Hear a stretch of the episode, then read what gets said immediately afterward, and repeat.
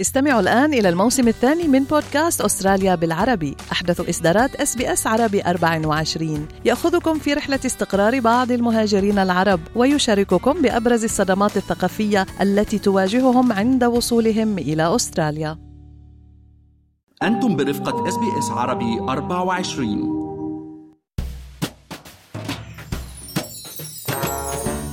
تكررت الهجمات الإلكترونية على الشركات الأسترالية وآخرها كان خرق قواعد البيانات لزبائن ميديبانك وأوبتس. ويلي قدر من خلالها المعتدين إنهم يحصلوا على بيانات شخصية لمئات آلاف الأستراليين. هاي البيانات ممكن تستخدم بشكل غير قانوني للتقدم على طلب قرض أو استدانة من البنوك والمؤسسات المالية والمصرفية الأخرى.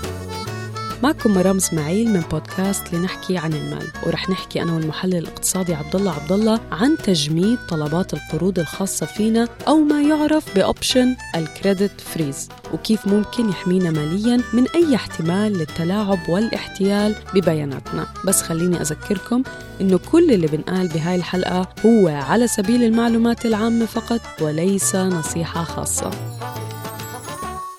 عبد الله يعني فعلا ظهرت كثير بالفترة الأخيرة تساؤلات عند الجميع آه، بسبب تكرر هاي يعني الخروقات والكل عم يسأل كيف ممكن المعتدين يستعملوا بياناتنا أو ال data تبعتنا وكيف ممكن تأثر علينا. يعني خصوصا يعني شركتين كبار مثل ميديبانك وأوبتس قاعدات البيانات تبعتهم كتير كبيرة وكيف هاي المعلومات يعني ممكن تستخدم بالمستقبل ضدنا؟ يعني للأسف مرام بحسب نوعية ال data الشخصية اللي قدروا يحصلوا عليها هن هول الأشخاص اللي اخترقوا أنظمة البيانات ممكن يكون عندهم data enough إنه يقدروا ينتحلوا شخصية الأفراد. المعلومات المخترقة يعني ممكن تتضمن أرقام حساب البنك ممكن تتضمن النسخة عن الهوية أو الباسبور عنوان السكن كان تاريخ الميلاد الإيميل التليفون وأي شيء من هذه المعلومات يلي ممكن آه، تستعمل اليوم قبل الشركات آه، شركات اللي يعني الخدمات والبنوك للتأكد وتحديد هوية الأشخاص ويلي بيمتلك هاي المعلومات للأسف قادر ينتحل آه، شخصية أفراد. يعني ممكن يتصلوا على شركة الهاتف ويطلبوا خط إنترنت أو على البنك مثلا ويطلبوا قرض أو بطاقه ائتمانيه يعني باسمنا عبد الله صحيح؟ صحيح مرام ولهيك يعني لازم كل شخص عنده اشتراك مع هذه الشركات إن كان Optus أو كان ال Medibank يعني. لازم يتابع الموضوع بشكل جدي ليعرف إذا كانت هاي البيانات الشخصيه تبعيته تم يعني كان جزء من البيانات اللي تم تسريبها.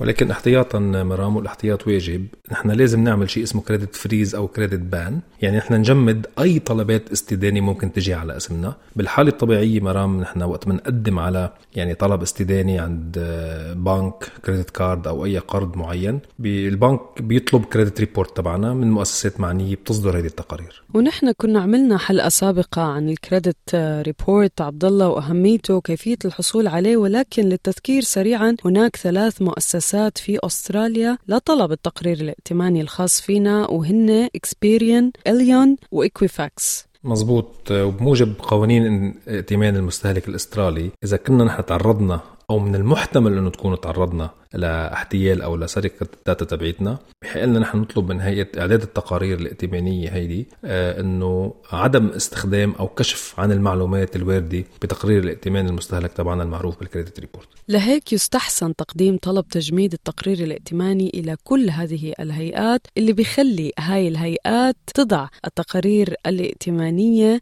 بفترة حظر على تاريخ الائتمان الاستهلاكي الخاص فينا. بفترة يعني بتمتد 21 يوم بعد تقديم الطلب الأول للحظر عليها. وفي هذا الوقت لن تستطيع أي مؤسسة مالية طلب التقرير الائتماني الخاص فينا وعليه ممكن نوقف أي محاولة استحصال أو محاولة الحصول على قرض باسمنا. مزبوط. وهي هي الفكرة من الموضوع مرام أنه خلال فترة الحظر ما بتقدر المؤسسات أنها يعني تعطي التقرير عنا أو تفصح عن المعلومات الواردة بتقرير الائتمان الكريدت ريبورت إلا بموافقة شخصية وكتابية من قبلنا.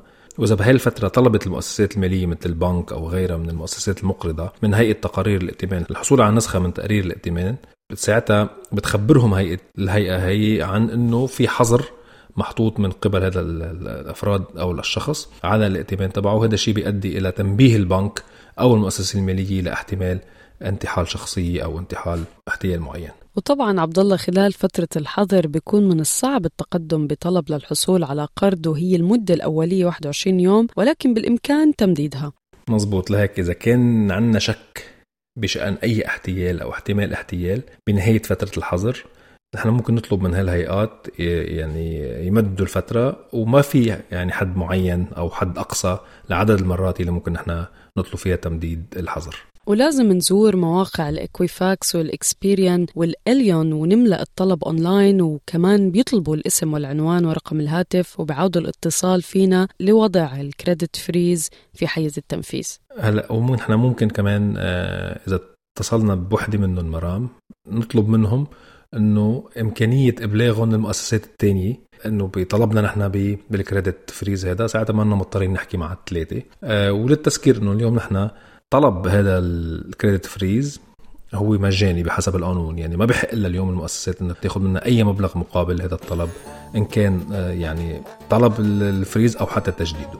نتمنى عبد الله إنه ما يكونوا مستمعينا من الناس اللي تأثروا باختراق البيانات آه، الشخصية الأخيرة على Medibank و Optus بالنهاية كمان خليكم معنا دائما لحتى نضل نواكبكم بكل المستجدات يلي بتهم حياتنا المالية والعملية في أستراليا في بودكاست لنحكي عن المال.